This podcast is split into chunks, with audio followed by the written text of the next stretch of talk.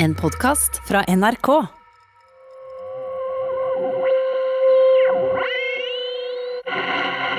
Det er åpnet adgang for norske frivillige til å tre inn i et regiment, Nordland, som vil bli oppsatt i Tyskland av nordboere. Far og en eh, kamerat de sitter eh, hjemme i stua, og de har fått høre at det skal være en radiosending som skal være veldig viktig. Dette er Bjørn Vestli. I 1941 hører faren hans Petter, som da bare er en ung fyr på 21 år, en radiotale som skal få store konsekvenser for ham. I samband med dette vil Vidkun Quisling nå si et par ord. Nordmenn. Tysklands kamp går mot sin avgjørende og seierrike slutt. Vi som klart har forutsett en fremtidig utvikling, vil nå gjøre vårt for av fri vilje å kjempe med på Hitlers og Tysklands side, for de germanske folks felles sak og for det nye Europa. Så da får de da høre på radioen, og Quisling sier at de kan, kan møte opp eh, i Oslo. Så kan de verve seg til eh, den tyske hær. Quisling vil sende Petter og andre norske gutter til østfronten. Inn i det samme området der han og Fridtjof Nansen 20 år tidligere redda mennesker fra å sulte i hjel. Men denne gangen handler det ikke om å dele ut matpakker. Seinere skal Bjørn Vestli lure fælt på hva Quisling faktisk får faren hans til å bli med på. Mange jøder drepte du. Så begynte han bare å gråte.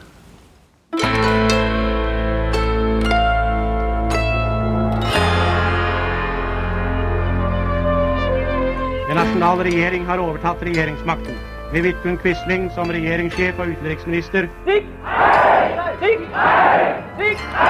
Quislingene kaller man oss, og under dette navnet skal vi seire! Vidkun Abraham Lauritz Quisling dømmes til døden. Jeg heter Trude Lorentzen, og for noen år siden skaffa jeg meg mitt eget håndtak til andre verdenskrig. Kofferten til Norges største forræder, Vidkun Quisling. Hvem var denne mannen som ble en slags norsk nazidiktator? Og hva visste han om det som skulle skje med de norske jødene? Du hører tredje episode, Blod på henda.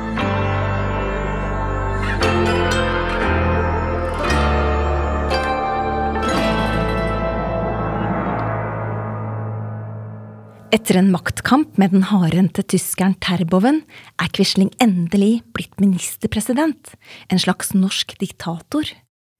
Nå starter et liv i sus og dus for han og kona Maria, som har flytta inn i et eget palass. Der fråtser de i hummer og kalvesteik. Ifølge propagandaen i Filmavisen er det topp stemning for resten av befolkningen også, selv om de må tåle nød og rasjonering. Vi må spare på læret nå om dagen, og i den anledning har skofabrikantene begynt å lage sko av papir. Vi viser de nyeste modeller som både er smarte og pene. Sommerens sko blir altså papirskoen. Krigens à la carte byr på nye retter. Kålrabi stekt i tran. Kaffe brygga på brente erter. Sigaretter av tørka hestehov.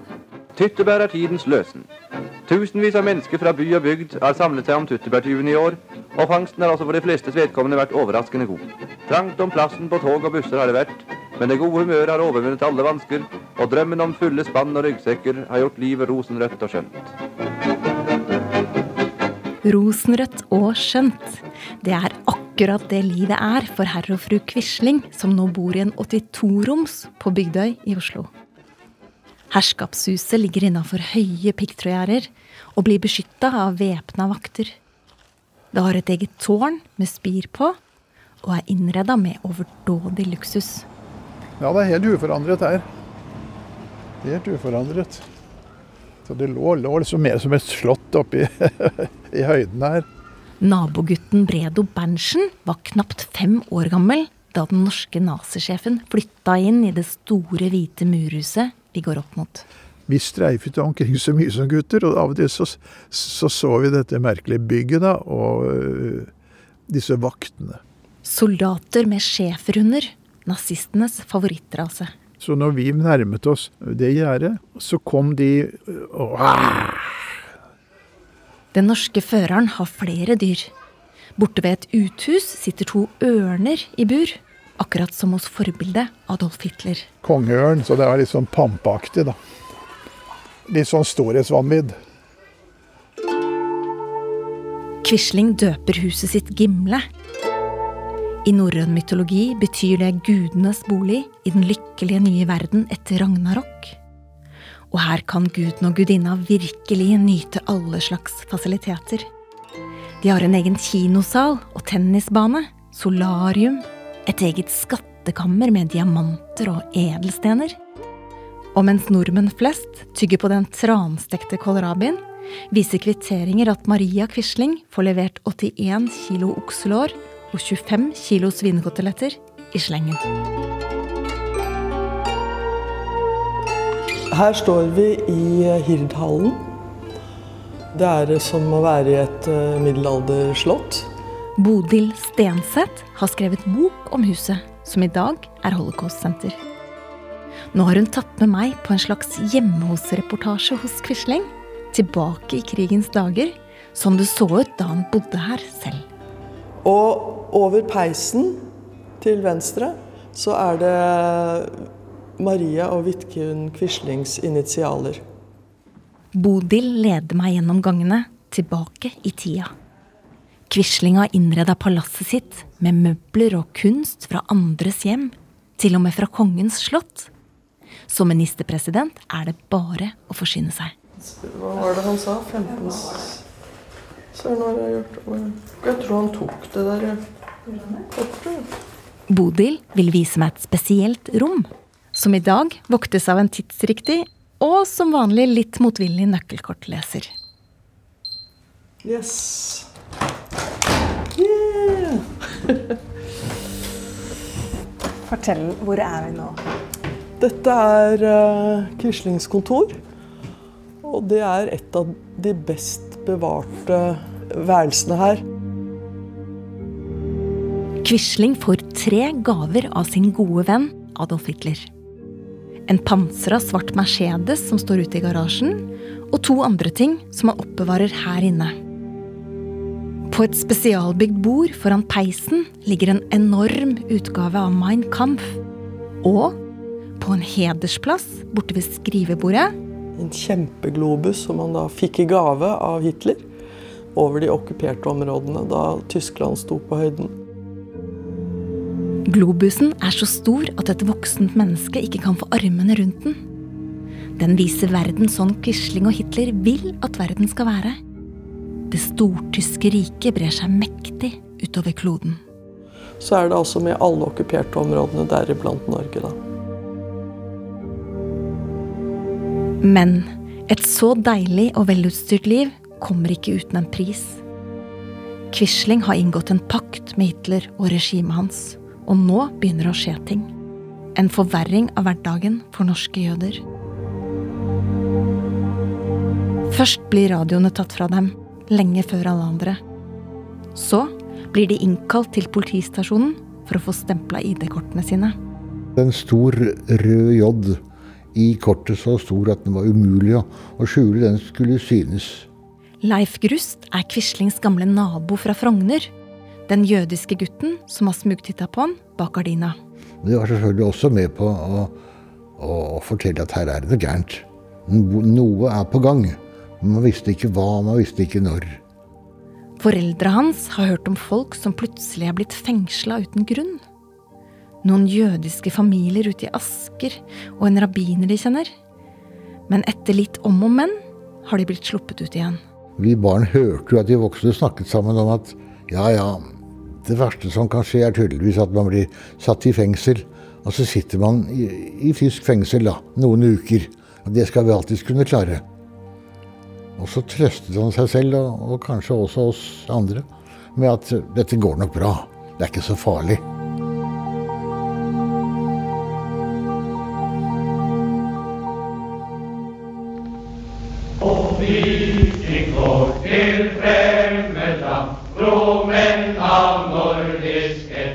Det her er soundtracket til norske gutter som skal ut i krigen og slåss for Hitler-Tyskland.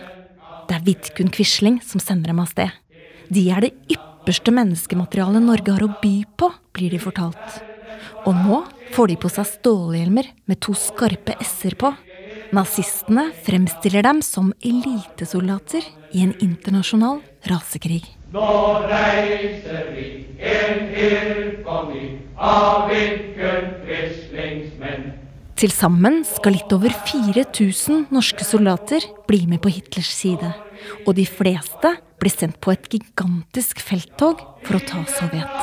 Det skal vike, og pampene tape sin makt. Ha, ha, ha, ha, ha, ha. Petter Vestli er en av de første som drar, etter å ha hørt radiotalen til Quisling. Han var slank og høy og pen og alltid eh, brun og hår tilbakestrøket og et veldig pent smil. Dette er sønnen til Petter, Bjørn. Han beskriver faren sin som en reklameplakat for den ariske rasen. Det nazistene kaller et übermensch. Han så virkelig ut som sånn en ekte germaner som tyskerne ville ha, syntes som nordmennene skulle se ut. På vei mot byen Stalingrad pløyer styrkene seg gjennom Ukraina. Ifølge Quisling skal dette være en kjapt unnagjort seier for gutta av den overlegne rasen. Men så viser det seg at selv ikke gener av gull tåler 40 minusgrader. Altså, De blir jo sendt av gårde i sommeruniformer. Og så kommer jo vinteren. Og de hadde jo ikke nok klær. Heller ikke nok støvler og, og sokker og vinterklær i hele tatt. Så far holdt på da å miste det ene benet, at han forfrøs seg. Og da har han skrevet en brev hjem til broren Rolf. Vi opplevde både seire og nederlag. Seirene var også mange måter nederlag. For i seirene ble også mange i kompaniet vårt drept eller såret. Altfor mange unge liv ble til sønderrevne kadavere. Faren til Bjørn og de andre norske SS-gutta slåss ikke bare mot sovjetiske soldater. På den ukrainske landsbygda går det hardt utover jødene også. Hva var faren din med på i de landsbyene de passerte? Ja, så der ble jo Det var jo slakteri, det. Det er her holocaust begynner. Den systematiske utryddinga av jødene. I det nazifelttoget som Quisling har sendt faren til Bjørn ut på, blir gamle folk, menn som griner og mammaer med småunger på armen, beordra ned i ferdiggravde massegraver. Oppe på kanten stiller soldatene seg på rekke og løfter geværene.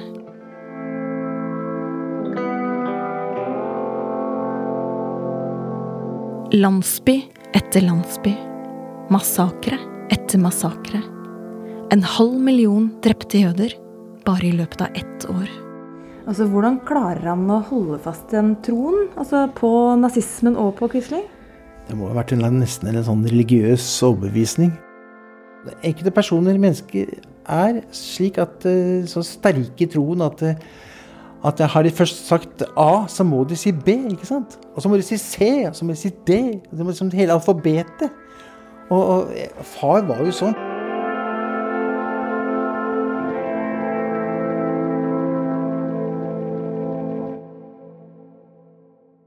Men hjemme i Norge er det ei som blir betenkt. Ikke av omsorg for de som blir drept, men for de som dreper. Den metalliske lukta av blod, synet av hjernemasse. Det kan bli for tøft for sarte norske guttesinn, frykter hun. Jeg synes ikke det er riktig at unge SS-menn, menn av nordisk blod, brukes som bødler til å skyte jødiske kvinner, barn og oldinger. Det skulle man overlate til russere eller asiatiske folkeslag.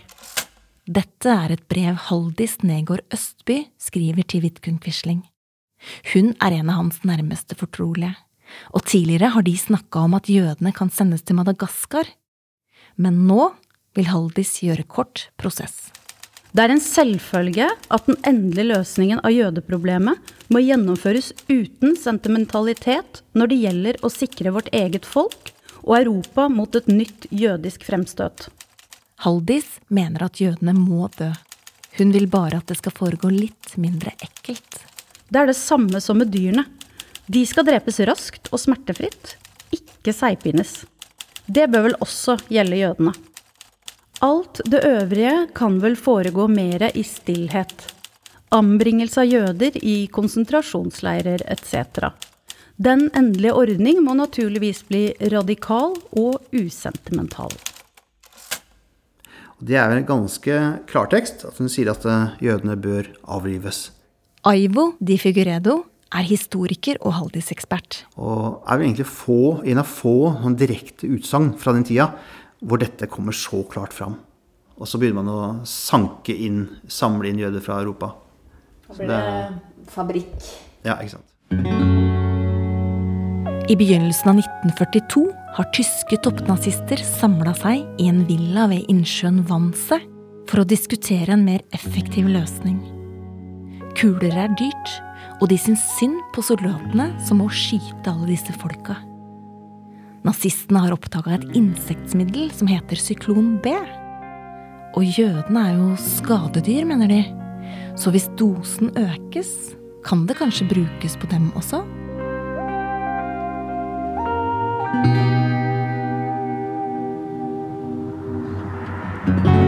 Hjemme i Oslo sender folka til Quisling ut spørreskjemaer til norske jøder. De kartlegger 1582 mennesker som de mener truer den nordiske rasen bare ved å finnes. Men vi sto da klare. Vi skulle være klare på hvor han nevnte nevnt en spesiell dato og et klokkeslett hvor vi skulle bli hentet av en bil, en drosjesjåfør. En kjølig høstkveld i Quislings gamle nabolag på Frogner har den jødiske gutten Leif og lillesøstera hans fått beskjed om å kle på seg det varmeste de har. Faren har allerede flykta til Sverige, og nå står de klare sammen med mora i gangen hjemme. Det skal komme en drosje og hente dem i all hemmelighet. Men uh, utenfor står det slett ikke noen sjåfør, men tvert imot en norsk politimann i uniform. Tre jøder med sekk på ryggen. Det kan ikke være tvil om hva som er i ferd med å skje. Det er ikke tidspunktet for å gå tur. Så han skjønte nok hva som var på gang. Leif holder pusten. Flukten kan være over før den har begynt. ja, kan du bli mer skremt? Politimannen ser på dem. Så peker han på dørskiltet, på navnet til faren. Og så sier han noe om at 'jeg kommer egentlig bare for å høre hvordan det går med han'. Vel vitende selvfølgelig om at alle jødiske menn var arrestert. Og så forteller mor ham den utenat lærte leksen som vi kunne alle sammen, at nei, det visste hun ikke riktig. Far var på, på Hadeland på forretningsreise.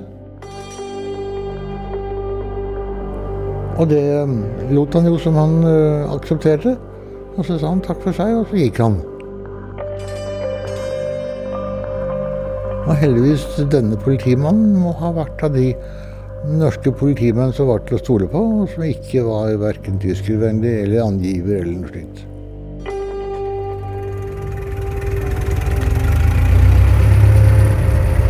Med tildekte frontlykter tråkler drosja seg mot Kongsvinger, rundt den ene tyske kontrollposten etter den andre. De får ligge i skjul på bondegårder, lister seg gjennom skogen midt på natta og blir rodd over en innsjø med filler surra rundt årene for å dempe lyden. Og så plutselig er det noen av oss som ser en gruppe mennesker som kommer frem fra skogbrynet der borte. Hvem var det? Kunne jo godt være tyskere. Nazister. Hva som helst. Og så kommer disse menneskene da enda litt nærmere. Vi ser at de har gevær alle sammen. Og så sier plutselig en av dem 'velkomna til Sverige'.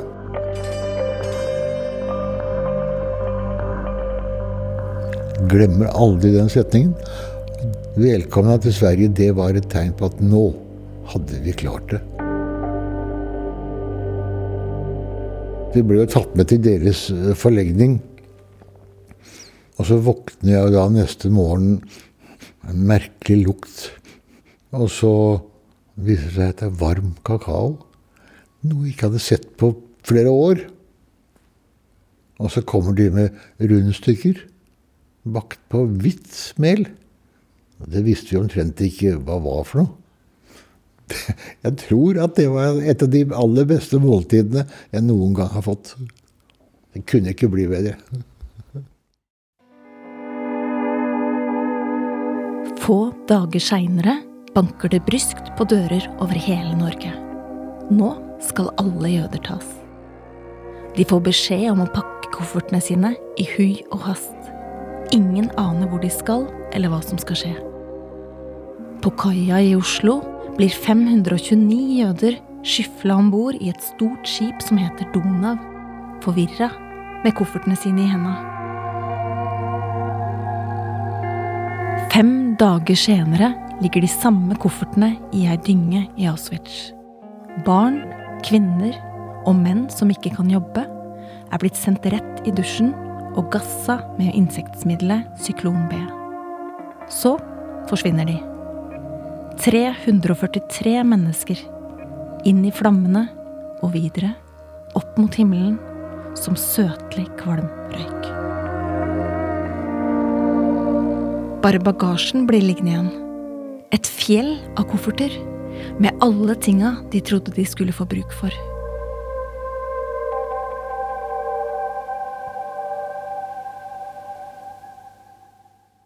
I alt blir 773 jøder sendt fra Norge til tyske konsentrasjonsleirer, og bare 35 kommer levende tilbake. Hva veit Quisling om det som skjer akkurat i disse dagene? Det er et av de store spørsmålene som historikere fortsatt diskuterer. For det fins ingen ordre Quisling har skrevet under på. Utrydd dem.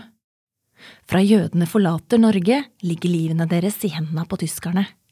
Og selv skal den norske nazisjefen nekte for å ha visst noe som helst. Quisling er antisemitt. Historiker Øystein Sørensen forteller at Quisling er jødehater. I det Europa han vil ha, sammen med Hitler, Tyskland og andre allierte, så skal jødene ut. Men sitter han oppe i tårnværelset ute på nazislottet sitt på Bygdøy og titter ut av vinduet og ser Donau eh, reise av sted med hundrevis av eh, norske jøder? Ja, det kan man lett få inntrykk av at uh, han gjør. Men nei. Da Donau går ut fra kai med norske jøder, sitter Quisling i regjeringsmøte sammen med sine ministerkolleger på Slottet. Og på dette møtet diskuterer de overhodet ikke noe som har spesielt med jøder å gjøre. Men dette veit vi. På forhånd har Quisling vedtatt lover som gjør det enkelt å pågripe jøder, og vi veit at han har sirkla inn 1582 mennesker. Vi veit også at han fortsetter å skjelle ut jødene fra talerstolen seinere, som her, i et nazimøte på Klingenberg kino. Men det er dette jødiske, materialistiske Messiasriket, eller rettere Satanriket, som truer Europas folk og Norge med død og ødeleggelse. Bolsjevismen og den internasjonale jødiske verdenssammensvergelse er en så total trussel mot de europeiske folks liv og høyeste goder at Europa aldri har vært utsatt for en lignende krise.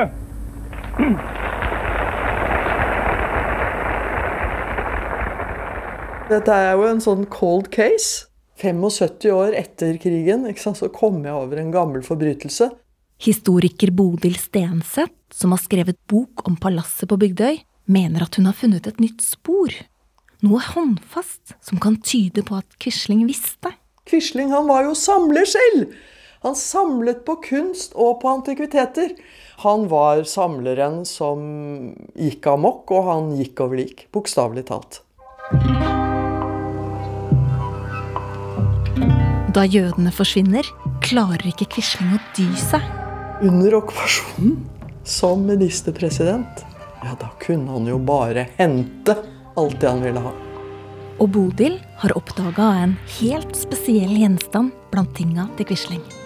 Et eh, gammelt eh, gulvur fra 1700-tallet. Ei klokke som kan føres tilbake til én bestemt jødisk familie på Grünerløkka. Jeg fant at Quisling hadde vært blant gjerningsmennene da leiligheten til en jødisk familie ble plyndret. Bodil finner ting fra andre jøder også. Fiskekjele, slikkepotter og et vaffeljern. Hun mener at Quisling veit hva som virkelig har skjedd. Han er ikke redd for at jødene skal komme tilbake og ødelegge vaffelselskapet. For de er tilintetgjort. Det hever over enhver tvil at han selvfølgelig kjente til den grusomme skjebne som eh, jødene møtte ved utskippingen fra Norge.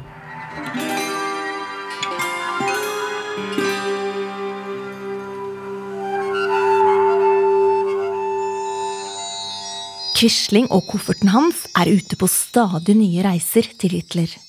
Både til et slott ved fritidseiendommen Ørneredet og i militærbasen Ulvehie. Og selvfølgelig tilbake i førerens hovedkvarter i Berlin. Ministerpresidenten ble hjertelig mottatt av der Führer, som ble overrakt en vakker modell av Gokstadskipet som gave.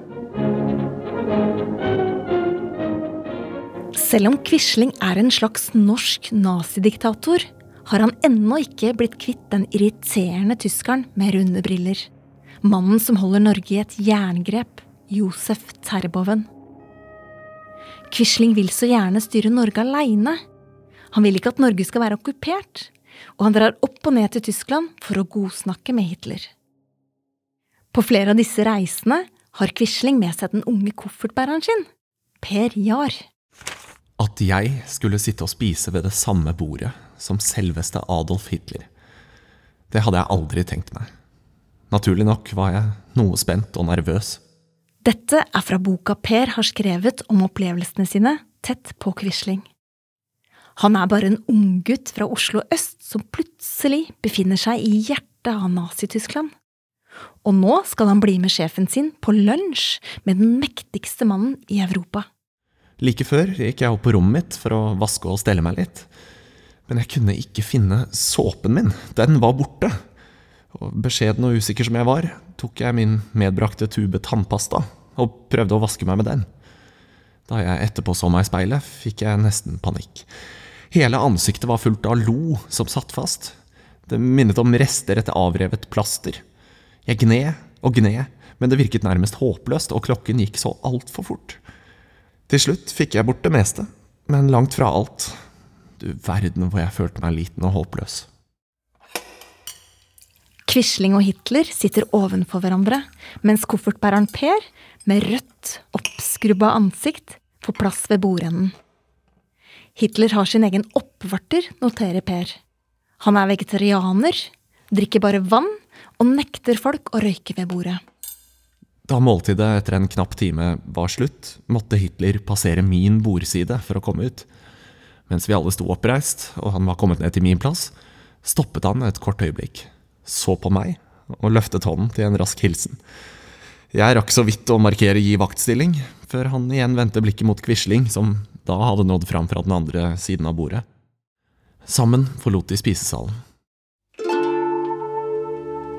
Hva kommer ut av de til sammen elleve møtene mellom Quisling og Hitler?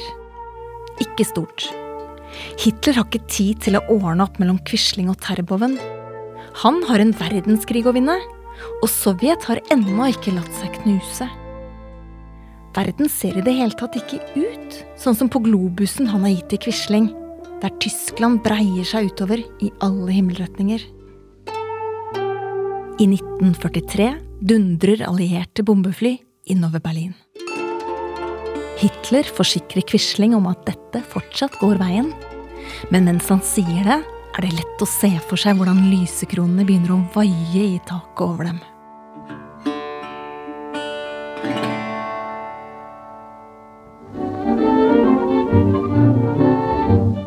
Våre tanker går i denne tiden mer enn noensinne til våre tapre gutter i Waffen SS og Den norske legion, som ofrer alt for sitt land og folk.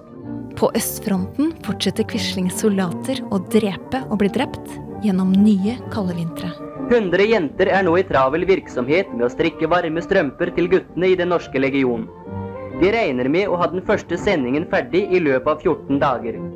Soldatene har neglesprett og koldbrann, men sender likevel hjem optimistiske julehilsener via radio.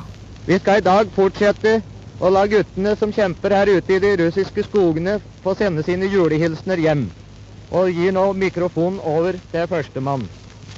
Kjære mor og far og alle kjente. Sender en hilsen herfra. Alt står bra til, og jeg trives. Ønsker dere en god og fredelig jul. En spesiell hilsen til Turid og Hansemann. Heil og selv. Og til slutt, norske SS-menn. Ber dere rope et tre ganger heil og sel på vår fører hjemme i Norge, som med ukuelig mot og hjerne og vilje kjemper vår kamp hjemme. Vår fører Vidkun Quisling. Heil og sel! Heil og sel! Heil og sel!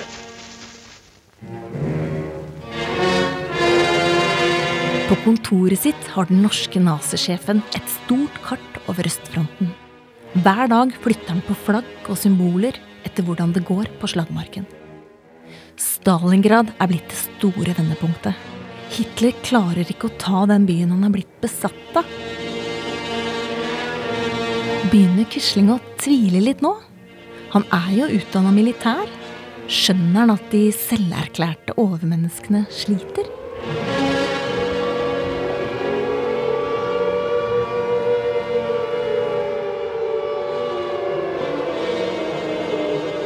Ute på Gimle blir det kjøpt inn et lass gassmasker. Quisling har fått bygd en bunker med fluktrute ned til to speedbåter ved brygga. Tyske toppnazister går nå med cyanidkapsler på innlomma. Og norske sabotører er i gang med å smelle av fabrikker og toglinjer. Og likvidere Quislinger. Sjefen for sikkerhetspolitiet er falt som offer for et feikt bakholdsattentat av betalte terrorister. Begravelsen fant sted på Vestre gravlund i nærvær av framtredende norske og tyske personligheter.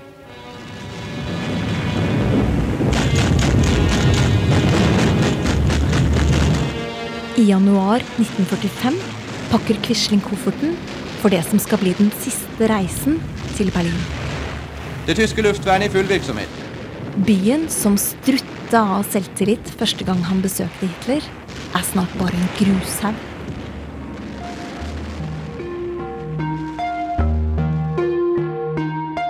Terboven er der også, og nå vil han sette en støkk i de norske motstandsfolka.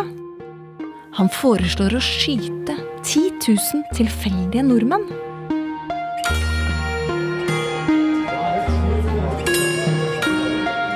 Med oppsperra øyne bak runde briller kommer Terboven stormende til Quisling en kveld han sitter og spiser middag. Hitler har godkjent hevnaksjonen, sier han, men bare hvis Quisling også skriver under. Terboven rekker han et ark og en penn.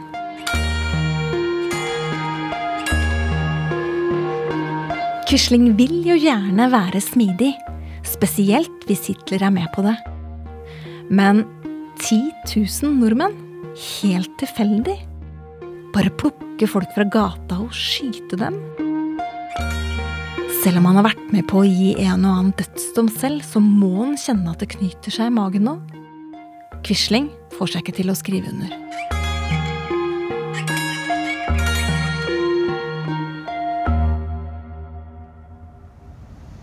Ministerpresident Quisling taler. Det er blitt 5. mai 1945. Nordmenn. Stemmen til Quisling runger ut av høyttalere som er satt opp på gatehjørnene i Oslo. Folk stopper opp midt i Majorstukrysset for å lytte. Det er første gang den norske nazisjefen snakker til befolkninga etter en dramatisk nyhet fra Berlin. For få dager siden gikk budskapet utover verden at Adolf Hitler, det tyske rikes fører og rikskansler, hadde funnet heltedøden på sin kommandoplass i Berlin under den historiske kamp han førte for å hindre den bolsjevikiske ødeleggelse av hans fedreland og av Europa. I førerbunkeren har Hitler skutt seg selv. Hitler var også en oppriktig norgesvenn. Ved sin heltedød har Adolf Hitler nå beseglet sitt store livsverk og gitt det en uimotståelig livets kraft som vil vise sin styrke utover stundens vanskeligheter.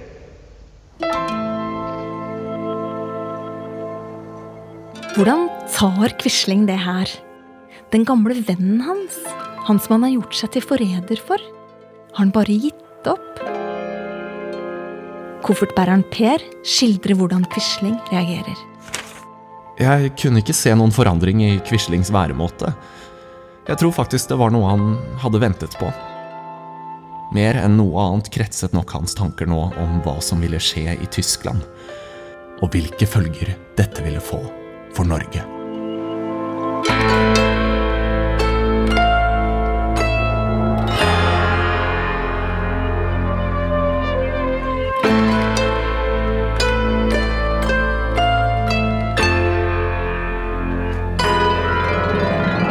I neste episode samler Quisling den harde nazikjernen rundt seg ute på diktatorpalasset. Det er jo interessant at han trodde at dette skulle gå greit. Overbevist som han selv var om at han hadde fulgt sin plikt, innså han ikke engang muligheten for at han kunne bli arrestert. Noe av det siste som foregikk, da ropte Maria ned at Quisling, nå må vi kjempe, vi har lidd nok.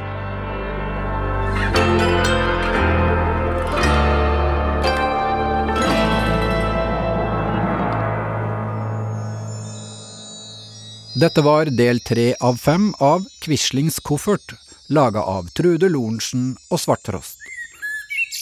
Produsent og lyddesign ved Sindre Leganger og Geir Sundstøl har laga musikken.